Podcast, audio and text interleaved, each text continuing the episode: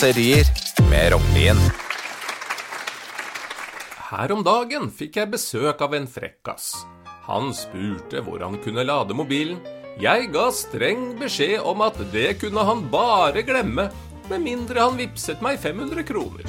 For strømkrisa har fått uventede konsekvenser. Selv har jeg begynt å besøke bekjente jeg ikke har snakket med på over ti år. Jeg banker på rundt frokosttider og går hjem ved solnedgang. Det er det mye penger å spare på. Det var en gang da folk dro på besøk for å få en pause fra ektefellen. Nå er vi på rømmen fra strømmen. En bekjent av meg fikk en telefon på hjemmekontoret en mandag morgen. Det var kona som ga klar beskjed at han ikke fikk lov til å dusje før etter 14.30 fordi det var varslet en nedgang i strømprisene. Spakt spurte han om lov til å koke seg en kopp kaffe. Norsk politi har fått mange telefoner om husbråk denne vinteren.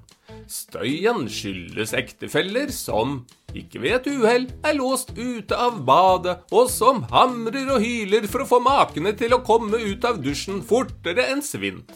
Den avtalte dusjtiden på 90 sekunder er gått ut, og nåde dem som prøver å snylte på hjemmets fellesbudsjett.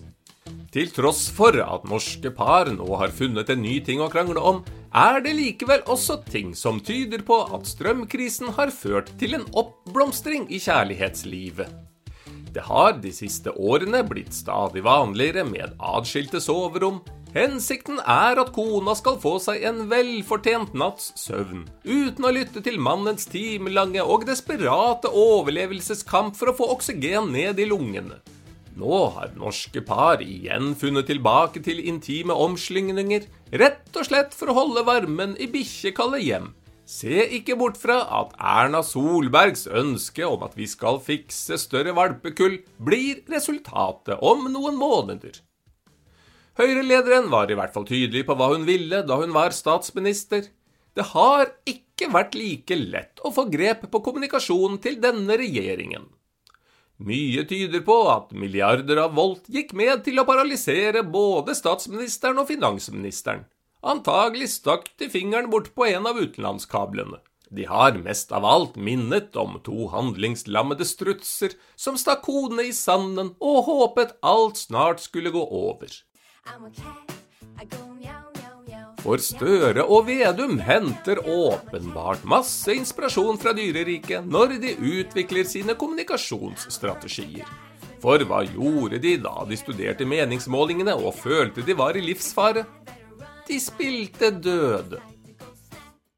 I både hytter og hjem var det lenge uro over strømprisene, men våre politiske ledere virket ikke å forstå hva som var i gjære. De var lenge fullstendig fraværende. Det må derfor føles ganske urettferdig at når Erna Solberg bruker samme taktikk, går meningsmålingene til himmels. Hun har knapt uttalt seg om temaet på halvannet år. Det gjør hun klokt i, siden hun jo er strålende fornøyd med at strømmen er blitt gjenstand for markedsstyring. Strålende fornøyd hadde forresten jeg også vært, hadde mitt tilholdssted også vært en av pendlerboligene, hvor strømregningen jo dekkes av staten.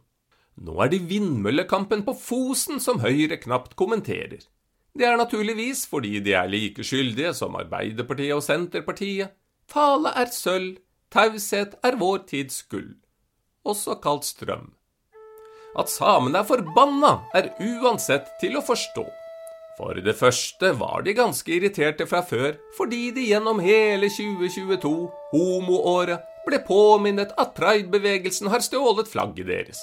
Men aller mest opprørende er naturligvis at saken minner oss om alle vemmelighetene vi har sett så mange ganger tidligere. Urfolk som blir fordrevet for at sterkere krefter skal tjene penger. Du verden så deilig det hadde vært for olje- og energiministeren om aksjonistene hadde skjelt ham ut på et språk han ikke hadde forstått. Som for eksempel samisk.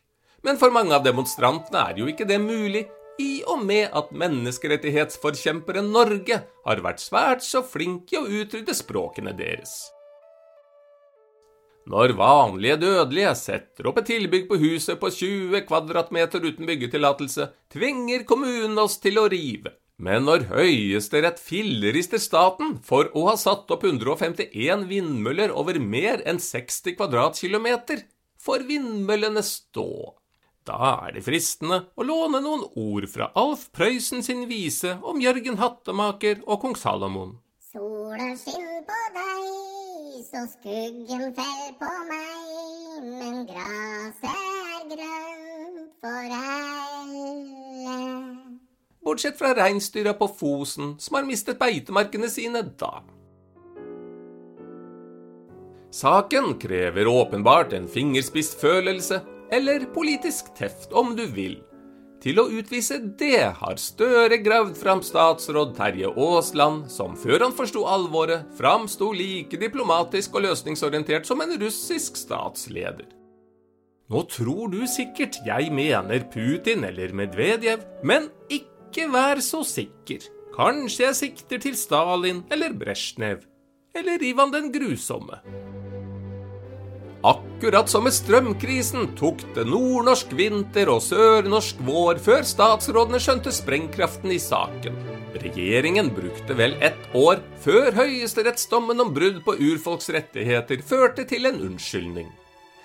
Men kanskje samene ikke har noen grunn til å klage. Jeg tipper Arbeiderpartiet er godt fornøyde med hvor kort tid de brukte på å be om tilgivelse. Nasjonen Norge brukte tross alt mye lengre tid før kong Harald i 1997 til slutt ga samene en beklagelse for århundrer med overgrep. Hva er vel da et år, hvis vi ser litt stort på det? I et slikt perspektiv kommuniserer tross alt denne regjeringen like raskt og smidig som et ekspresstog. På Follobanen. Du har lyttet til Kuriøse kåserier